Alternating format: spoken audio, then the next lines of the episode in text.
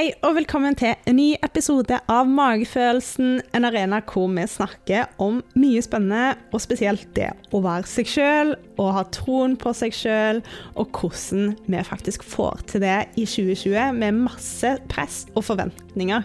Og jeg intervjuer andre som jeg mener er supre rollemodeller og er kjempekule.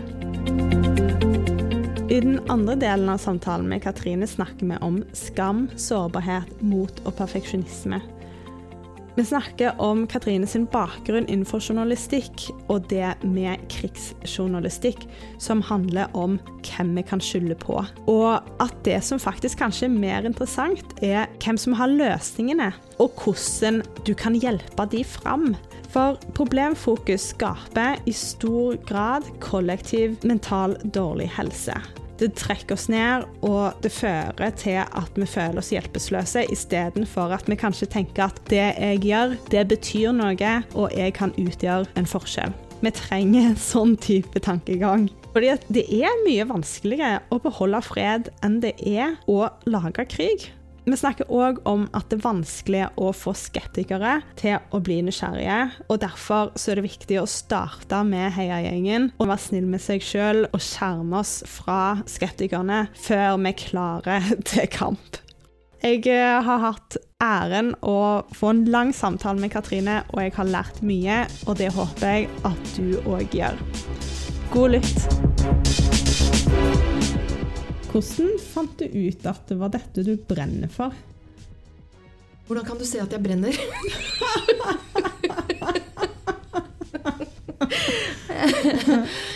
oh, hvordan fant jeg ut at det er dette jeg brenner for?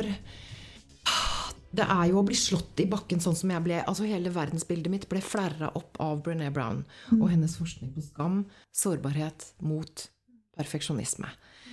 Og det, er, det var det mest spennende jeg hadde lært i hele mitt liv. Jeg har gått på skolen i sant, det uendelige med mastergrad og med det ene og det andre. Men dette, det var spennende. Og så så jeg noe rent sånn faglig nerdete. Jeg er jo samfunnsnerd også. ikke mm. sant? Er økonomi, hvordan henger dette sammen? Hva er egentlig økonomi? Jeg insisterer jo på at økonomi er mennesker, og at det er vår fremtidsøkonomi. Det får jeg støtte på fra handelshøyskolene nå. Oi, spennende. Blant annet sjefen for London School of Economics, eh, som heter Minor Shafik, hun sier det at jobbene våre forandrer seg. Før så handla de om eh, muskler. Veldig lenge har det handla om hjernen. I morgen kommer de til å handle om hjertet. Alt vi kan gjøre som ikke maskinene kan gjøre, alt som gjør oss menneskelig, vil være vårt komparative fortrinn. Så vi er altså gradvis på vei fra hjerne til hjerte i business. Og det er radikalt, men alt dette begynte jeg, jeg begynte å se disse sammenhengene her ligger det en nøkkel til en verden med trygge, modige, rause, glade, kjærlige og åpne, feilbarlige mennesker. Og det har jeg lyst til å bidra til. Så her er det jeg kan gjøre. Og så har de jo også kobla meg på et svært fellesskap av modige mennesker som eh, beveger dette feltet. Nå har jeg armene ut til hver side, bare sånn forklaring. For det er et svært felt av modige mennesker som eh, bryter normer. For normen er jo å være objektiv og stoisk og, og holde inne, da.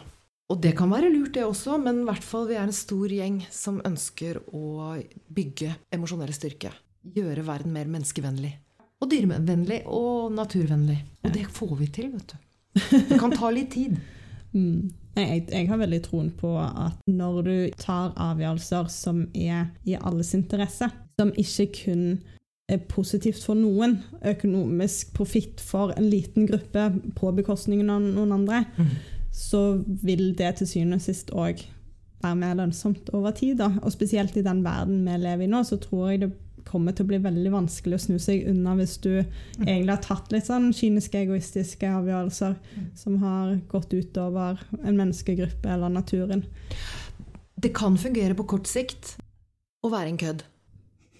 altså, du ser jo det i presidentvalget ja. i USA. Altså, det kan lønne seg på kort sikt. Heldigvis. Ja, altså hvis du appellerer til frykt. Ja. Mm. Og Det er derfor det er enormt viktig å ha denne, disse emosjonelle musklene. fordi at vi er mye mer manipulativbare. Vi er mye mm. lettere å manipulere. Jeg er mye lettere å manipulere når jeg ikke er oppmerksom på hvor kjapt jeg går til frykt. da. Og det er ikke noe rart at vi går til frykt, for det er den hjernen som skal holde oss uh, trygge. Men det å eh, hacke den frykten, mm. altså vite metoder og, og, måter å skru den fryktknappen ned, da, og skru opp håpet, mm. det vet vi nå hvordan vi gjør. Altså, det er ganske stort. Og det mest populære kurset på Yale-universitetet altså Yale er jo også et av verdens aller fremste universiteter. Det mest populære kurset der blant studentene noensinne startet for fire-fem år siden. Mm. Av en professor som het um, Laurie Santos, mm. som har en kjempeflott podkast. Ja, kult. Som heter The Happiness Lab. Mm. Og den er bra? Den er knallbra. Bare som tips til deg som hører på, hvor går du videre? The Happiness Lab med Laurie Santos. Hun var så lei av å se smarte studenter som var så ulykkelige. Altså, de ante ikke hva de skulle gjøre for å ha et godt liv mens de studerte. For alt var konkurranse, alt var karakterer.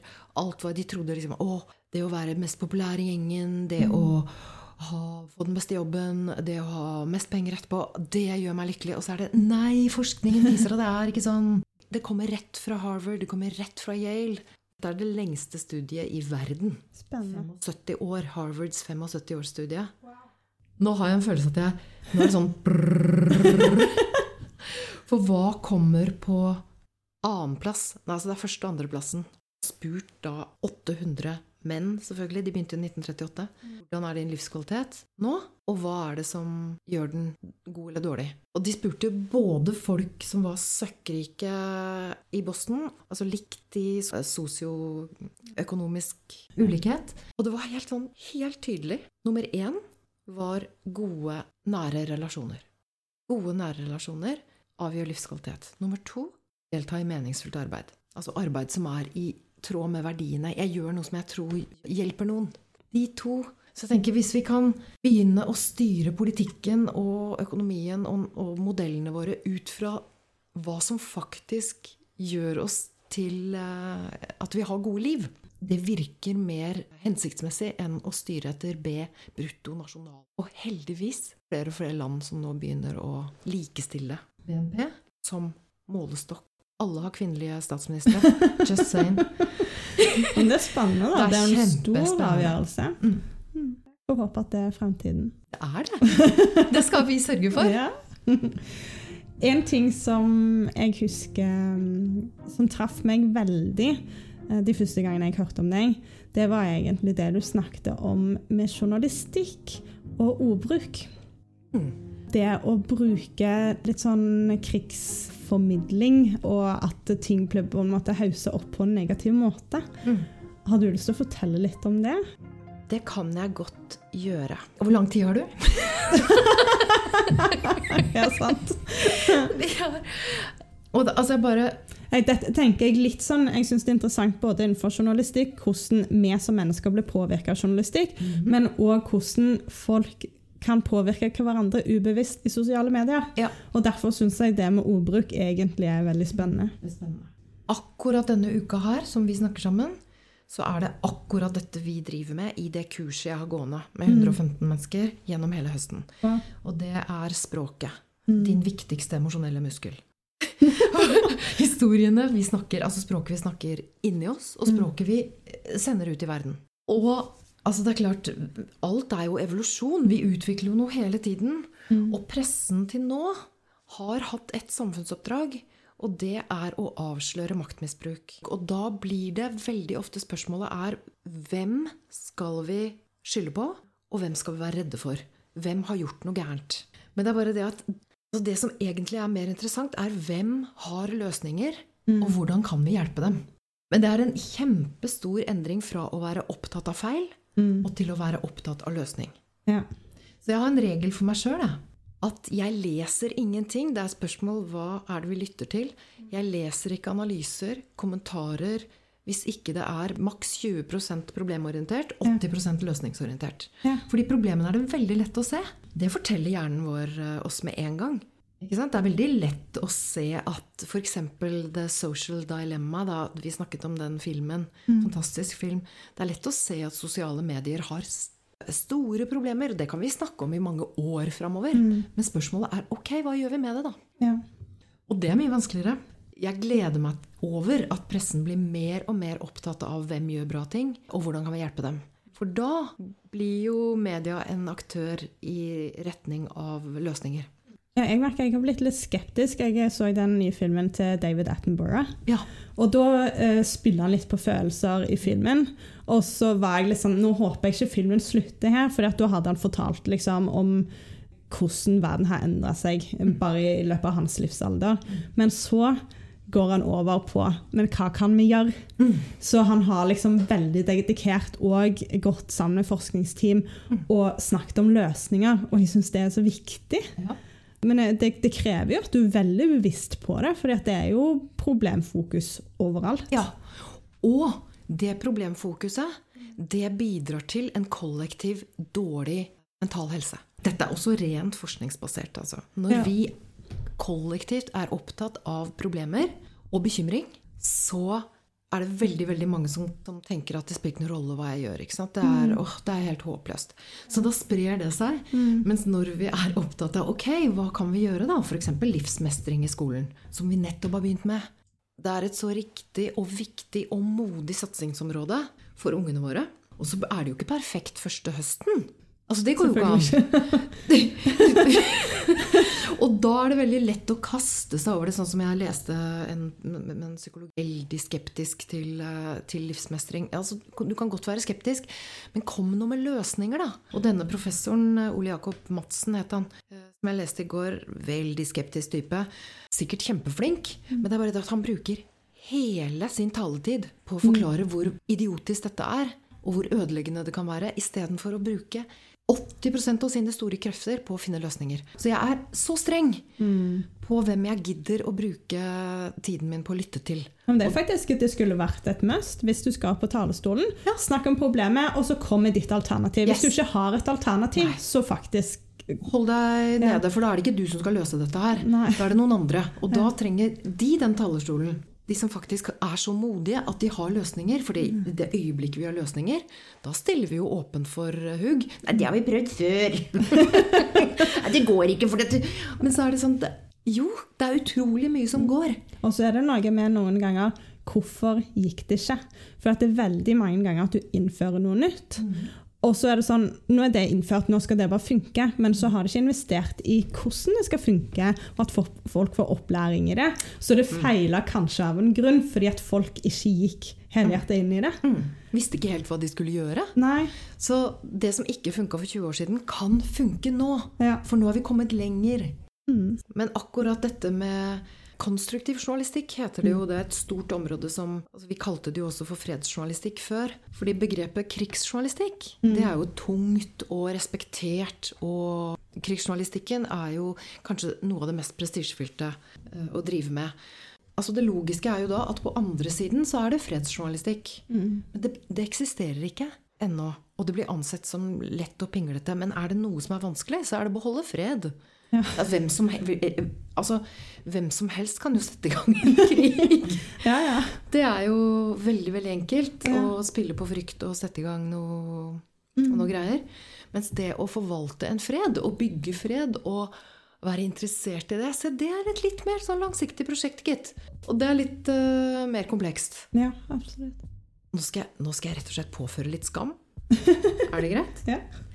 Jeg opplever det som feigt og dvaskt. Altså faglig dvaskt. Å tillate seg å komme med 100 eh, eller til og med 80 Og jeg er veldig spent på den eh, filmen til Attenborough. Og jeg er kjempetakknemlig for at han lager den, fordi han har en så, en så sterk stemme og blir lyttet til av så mange. Så det er helt topp. Men jeg er spent på hvor stor andel han har. I filmen. Ja, Hva vil du si? Prosentandel? Altså, eh, filmen handler jo om utviklingen. Det handler jo om eh, mange av filmene hans, så det, det er jo først egentlig litt fra film, og så er det hvordan dette har utvikla seg. For han må jo presentere sin historie og hvorfor han faktisk kan vitne. Det er liksom David Attenboroughs vitnesbyrd Ja. om eh, hvordan verden har endra seg. For han har jo vært overalt og sett dette på nær hånd. Så en er faktisk ganske stor andel. Men jeg syns den var veldig bra. Gleder meg til steden. Men vi er altså på vei mot å utforske det som heter konstruktiv journalistikk. Som er hvem har løsninger, Hvordan kan vi hjelpe dem? Jeg antar det er mange som er skeptiske til arbeidet ditt. Nei! Hvordan kan du tenke det? Nei. Så hvordan går du fram rundt mennesker som er skeptiske, og får de til å bli nysgjerrige på arbeidet ditt? Det er et så utrolig godt og ubehagelig spørsmål! Det er så vanskelig! Det er så vanskelig! Og nå, akkurat nå, så tenker jeg jeg, nå skal jeg være veldig snill med meg sjøl, fordi jeg, jeg ønsker å bli veldig mye bedre på det. Jeg går fram på den måten at jeg viser til forskningen og bruker humor og historier så, så godt jeg bare kan. Og så går jeg også fram på den måten at jeg tenker ah, kanskje tidspunktet nå Kanskje det ikke er riktig nå å skulle um, gå i samtale med kritikere. Bare la det egentlig la tida gå. Fordi at jeg opplever at dette vil modnes. Mm. Og jeg tenker som så, det er ikke noe rart at de er kritiske. Det er ikke noe rart, for dette er nytt, det er annerledes. Det kan godt være at noe av det jeg driver og snakker om, også er helt feil. Ikke sant? det, det, er ny forskning. Det er ny forskning. Mm. Sånn at Men det føles rett. Det, det, kjennes rett. For meg er det helt logisk. altså Som Minusha fikk på London School of Economics sier, vi beveger oss fra hjerne til hjerte i uh, næringsliv. Jeg, jeg, ser jo at det er riktig. Jeg ser at bedrifter i Norge nå bare på et år begynner å orientere seg om bærekraft. Ikke, ikke bare det, men du merker det òg innad i en bedrift når du har en leder som er empatisk, så føles det bra. Ja. Uh, så det er litt sånn altså, Du kan jo bare ta det bedre. Ja. Så det er så logisk for meg, men det er, det er, jo veien dit da, som er lang. Vi snakker jo om at alt går så fort, teknologien, alt endrer seg så fort. Da kan jeg bare si slapp helt av. Nei, det går så sakte. Altså de, de, de dypere kulturelle strukturene våre, de går så sakte. Så jeg bruker egentlig den setningen Det er ikke noe rart. Det er ikke noe rart at folk er skeptiske, og det skal de være. Altså, det, er jo, det er ikke sånn enig å tro til Dovre faller. Nei, utvikling skjer ved friksjon. Energi er friksjon. Anne Grete Preus sa det utrolig vakkert uh, en gang jeg hørte henne um, i et intervju. Hun sa det at vi må huske det at en kollisjon er også et møte. Det er et møte, og det er et utviklingspotensial der. Så jeg prøver å være så uredd, da. Og jeg er jo ikke det. Jeg blir kjempelei meg når jeg, når jeg møter en tidligere kollega på, ja, før korona, da, på Gardermoen, da jeg var på vei til på et foredrag. Så var det en kollega som spurte ja, hva driver du med for tiden. da? Og jeg fortalte da om jo, nå har jeg nettopp åpnet et emosjonelt eh, treningsstudio. Og, altså, sånn. og så, så, ser hun bare på meg og sier hun, driver du med det tullet ennå? Og det er klart, ikke sant? Jeg kjenner jo på sånn skam i magen.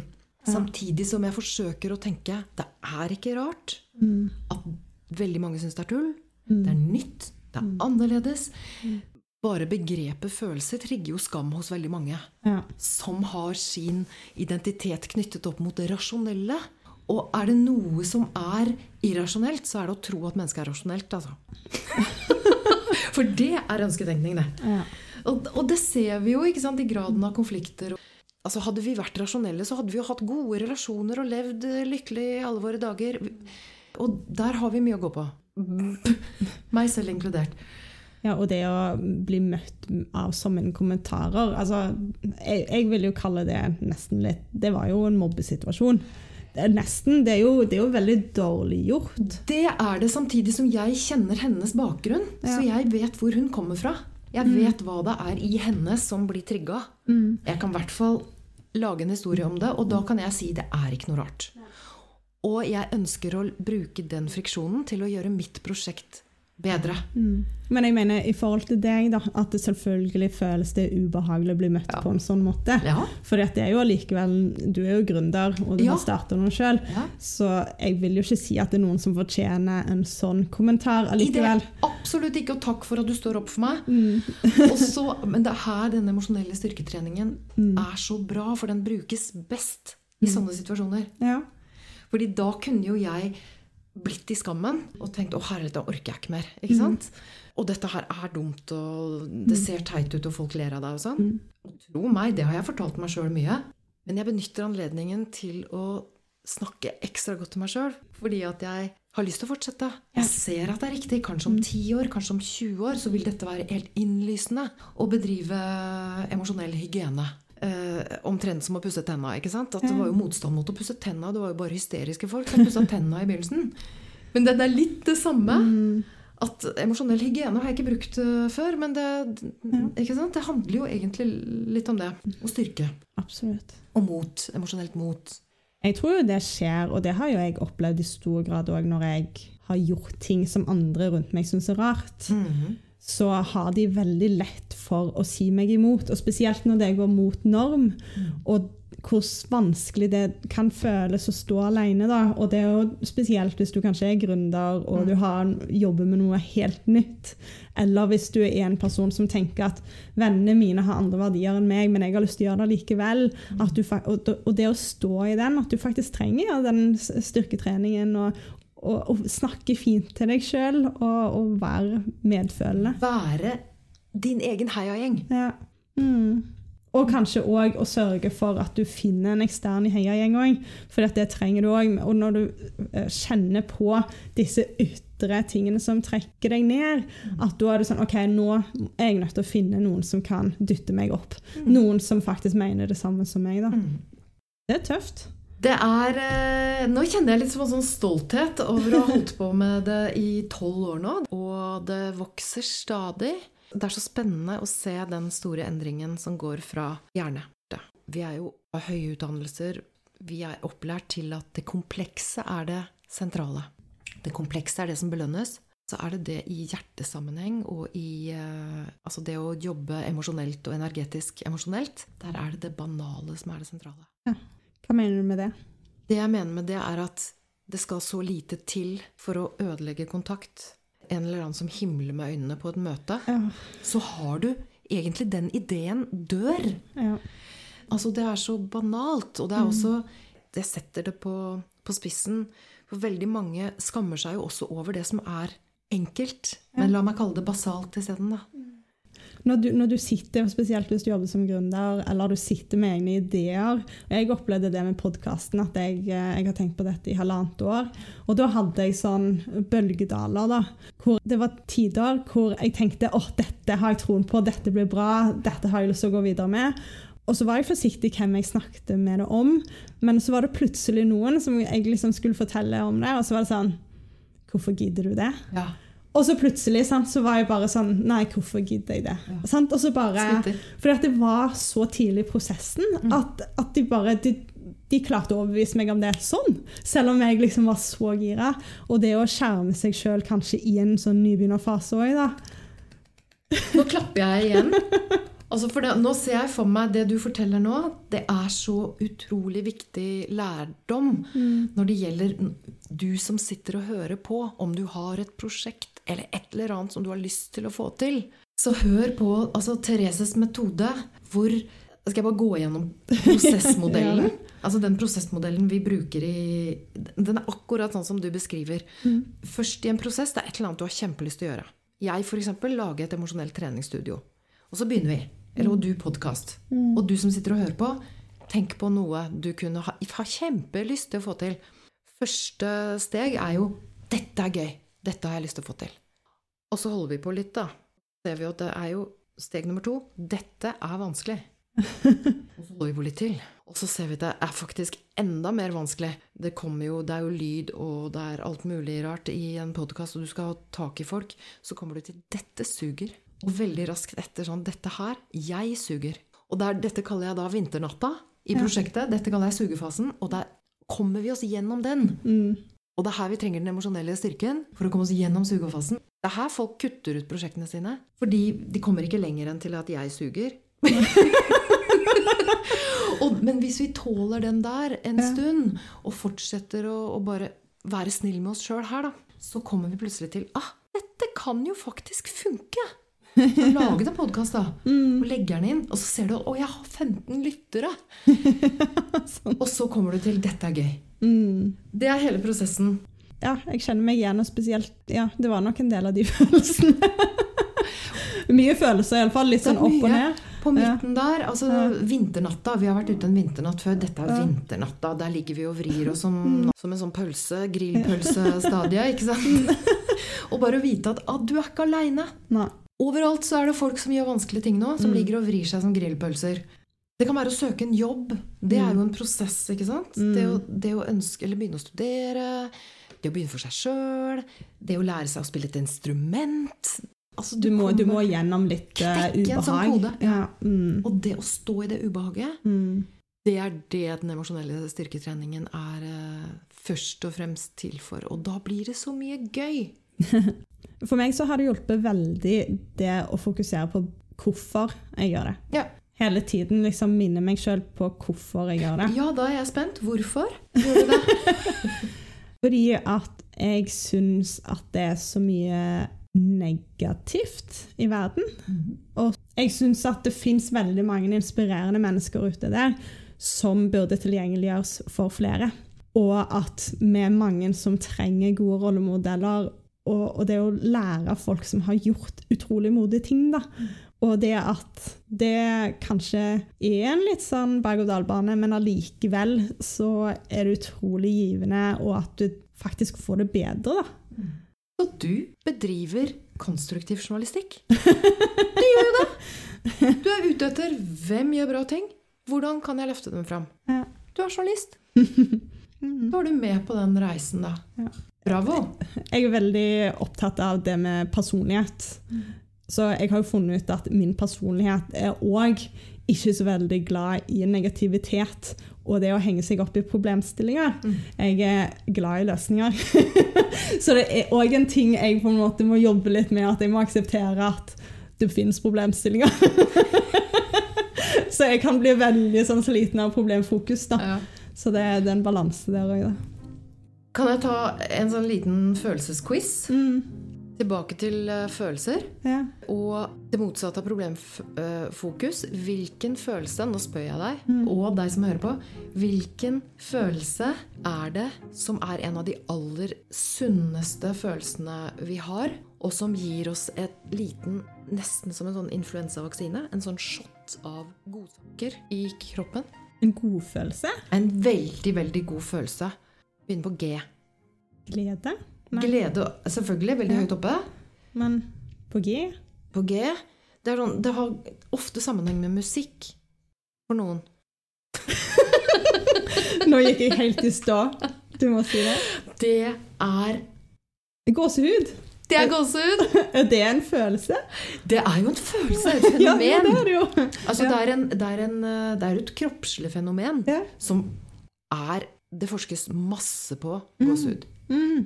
UCLA, Los Angeles, Berkeley Og det er altså en følelse som ja, Vi snakket jo om det innledningsvis, Mm. og jeg får det litt nå når jeg snakker om det også, fordi Mm. at det er en, en følelse som forskerne kaller kama muta. Og det er sanskrit for å bli berørt av kjærlighet. Og det er jo en sånn følelse som vi gjerne deler. ikke sant? Se her, og Noen kaller det jo sannhetsfrysninger. Og, og det viser seg at da blir vi fylt av noen stoffer, bl.a. et stoff som heter oksytocin, som er et kjærlighetshormon, eller et sånt fellesskapshormon. Så opplevelsen av gåsehud, det sørger for at vi blir mer sosiale. At vi får mer lyst til å hjelpe andre. Det er en sånn fellesskapsfølelse. Vi burde få gåsehud mye oftere. Og der er poenget! Ja. Og hvor får vi gåsehud? Når vi engasjerer oss. Ja, og når vi er sårbare. Altså, jeg hadde ikke mye gåsehud med den inni det der uh, panseret av suverenitet og ja, mastergrader, da. Mm. Mens det å leve uten panser, og leve rikt og helhjertet, og alle, hele alfabetet av følelser, hele spekteret av liv, Mm. der bor gåsehuden. Nå er jeg på vei. Da er jeg på god vei. Det blir litt sånn groovy. Nå sitter jeg og danser litt. Så gåsehud er en, eh, en gøy, nydelig, fin følelse. Og ømhet. Jeg slår en slag for gåsehuden. Ømheten. Og en tredje. Mm. Det er mer en praksis, men det kan også være en følelse som dukker opp. Men det er en praksis som er åh, gullstandarden for å skru opp livsgleden. Det er å praktisere takknemlighet.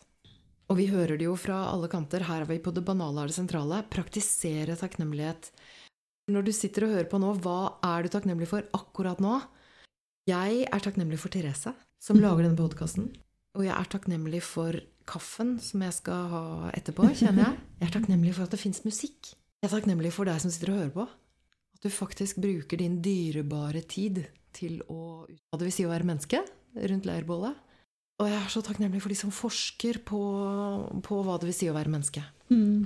I det hele tatt praktisere takknemlighet. Jeg ser, nå ser jeg at du sitter og smiler. Jeg fikk nesten litt sånn tårer i øynene.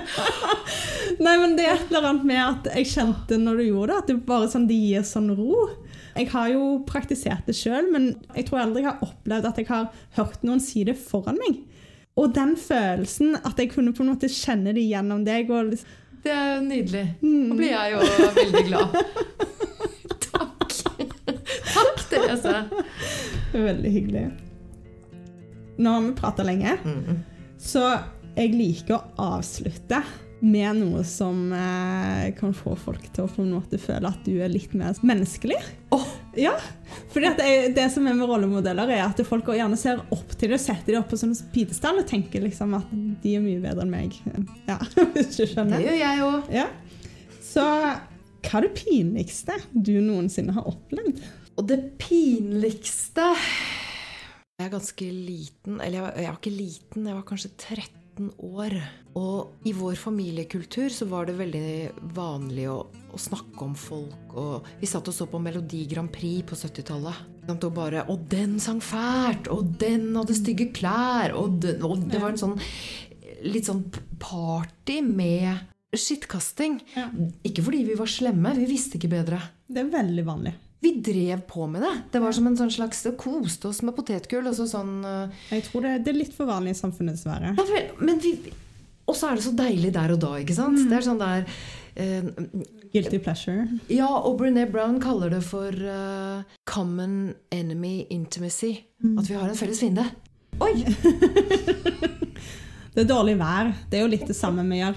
Ja, At vi snakker om noe som er negativt, for det, Ja. det er veldig enkelt. det er veldig enkelt. Men i hvert fall så var vi på besøk hos uh, noen uh, Dette er så pinlig at jeg liksom holder meg for ansiktet nå. hos noen venner av mamma og pappa. Vi overnattet og sånn, og spiste frokost og hadde det kjempekoselig. Og så spilte han noe musikk som vi alle skulle høre på. Så sa jeg sånn Pappa! Hør på han fæle saksofonisten der, da! Ja, men det er eh, onkel Geir, det. Og så var det jo han da, selvfølgelig som hadde satt på noe han hadde spilt inn selv. Det er det pinligste. Tror jeg fortsatt til denne dag. Og jeg, og, men det er en påminnelse Ja. om Det er det jeg kom fra. Det er så rørende hvor fort gjort det er å gjøre sånne ting. da. Så jeg prøver å være snill med meg sjøl mens jeg forteller denne historien. Ja. For jeg har lyst til å gjemme meg under bordet. Mm. Men jeg tenkte nå er vi åpne og sårbare, så da tar vi den eh, en av de verste. Mm. Ja, for det er veldig interessant hva folk svarer. For det er jo noen som svarer historier som er veldig morsomme. Ja. I form av at det er pinje. Ja. Men denne er litt mer sånn skam, hvis du skjønner. For det går kanskje litt mot egne verdier. For at du mente du ikke slemt, men det var bare noe du gjorde på autopilot. Fullstendig autopilot. Jeg var 13 år. Ja. Altså ikke ond. Nei, nei, nei. Eh, s- Men vi hadde da en innarbeida kultur som ikke var så innmari bærekraftig og oppløftende. Mm. Og den har vi, jobber vi med. Ja. Det er rart med det hvordan det er enkelte ting som uh, kan skikkelig sette seg sånn fra barndommen. Du gjorde det sikkert ikke igjen. Jo da! det gjorde jeg! Vil du ha den nå? ja. Det, en, altså det var en veldig sånn klassisk vi, vi satt og spiste middag hos en tante. eh, Og da fikk vi sånne skjell med Altså, hva heter det for noe når du får sånne uh, butterdeigsskjell? Ja, ja. Med reker og Kjempegodt. Mm. Også med sånn hvit saus og fiskepudding og, Mm. og erter og liksom forskjellig. Og så gikk det én gang, og vi spiste opp skjellet, og så gikk det en gang til. Og så spurte svogeren min meg da skal, Men Katrine, skal ikke du ha et til? Og så sa jeg nei, jeg venter på hovedretten. da ble det så helt stille. Skjønner du at det er vanskelig å være meg, eller? At det er ikke Det er ikke for amatører, det, altså. Å, men alle har gjort sånne ting. Ja. Å, men det var, å, det Men jeg kjenner det nå. Jeg, men jeg, fordi at temaet vårt er magefølelse. ikke Ja. Temaet ditt Mm. er jo det. Så jeg tenker her er det ikke noe vits å holde igjen. Her eh, kjører vi på. Mm. Men det som er poenget, er jo en av grunnene til at jeg har det som et spørsmål, er fordi at alle har opplevd pinlige ting. Og hva som er pinlig for meg, er veldig ulikt fra hva som er pinlig for deg. Mm. Og òg det å ufarliggjøre det litt. Ja. fordi at jeg tror ofte når vi, vi deler historier, så deler vi ikke nødvendigvis det pinligste, vi deler det vi er komfortable med å fortelle. Og de tingene vi syns er aller pinligst, det holder vi for oss sjøl. Men da klarer vi aldri å bearbeide det. Og faktisk ved å fortelle det til andre, så plutselig så er det noen andre som tør å fortelle om deres lignende historie. Og plutselig så er det sånn Å ja, men selvfølgelig er det flere som opplevde noe av det samme, og så kan den forsvinne litt. Mm. Og det er ikke så veldig positivt nødvendigvis å gå og beholde på sånn skam fra du var 13, liksom. Nei, vi driver jo healing. Altså vi driver helingsarbeid rundt dette leirbålet. Ja. Ved å normalisere det å drite seg ut, Mm. det å reise seg igjen, Mm. det å gå mot strømmen, det å puste med magen. Jeg kjenner jo Altså Magefølelsen Det ligger så mye følelser i den magen. Det er ikke bare én følelse. Der ligger det en diger Masse forskjellig. Så det er jo Det du snakker om, er det den første boken min handler om, som heter 'Raushetens tid'. Mm. Som handler om å være åpen. Altså hvor vanskelig det er, og hvor frigjørende det er når noen gjør det. For jeg la merke til at alle de jeg beundrer, Brown og Opera og Else Kåss Furuseth altså Det de har til felles, er at de er skamløst rause, åpne, helhjertede, feilbarlige, knallkule, modige mennesker. Mm. Så jeg tenkte å, kanskje jeg kan også våge å gå i den retningen, fordi det har jeg tro på. Ja. Og så sitter vi her. Så går dagene. ja. Plutselig. Ja. Hjertelig takk for at du hadde lyst til å være med i podkasten. Det var veldig stas. Takk for at jeg fikk være med. Skikkelig gøy. Og så jeg har lyst til å gi noe tilbake til deg, og til deg som hører på, som har brukt dyrebar tid på det. Og det er et lite gratis kurs i emosjonell styrketrening. Det eneste du trenger å gjøre, da får du forskningen bak følelser. Du får et lite knippe med som du kan bruke til å støtte deg sjøl gjennom vinternetter og sugefaser og for å komme dit du vil. Og det eneste du trenger å gjøre, det er å gå inn og søke på emosjonell styrketrening. Da kommer du rett inn på min eh, blogg, og så legger du igjen e-postadresse. Og da får du en uke med mm, små videoer. En video hver dag. Spennende. Veldig spennende. Mm. Velkommen skal dere være. Det er en utrolig stor gave, tenker jeg, som jeg tror veldig mange har bruk for og er klar for. Og så Særlig svigerfar. Og du kan sende den til svigerfar. mm. Eller sjefen. Ikke gjør det. Bruk den på deg selv. Start med deg sjøl, og så kanskje han Ja. blir klar rundt deg etter Ja. hvert. Mm. Hjertelig takk for det. Bare hyggelig. Jeg gleder meg.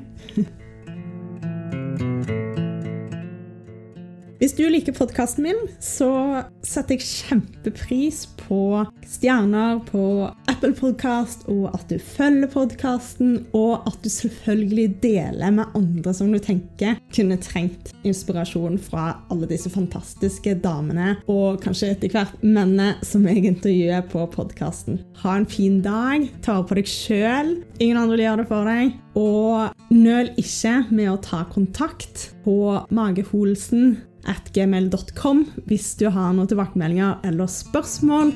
Ha det.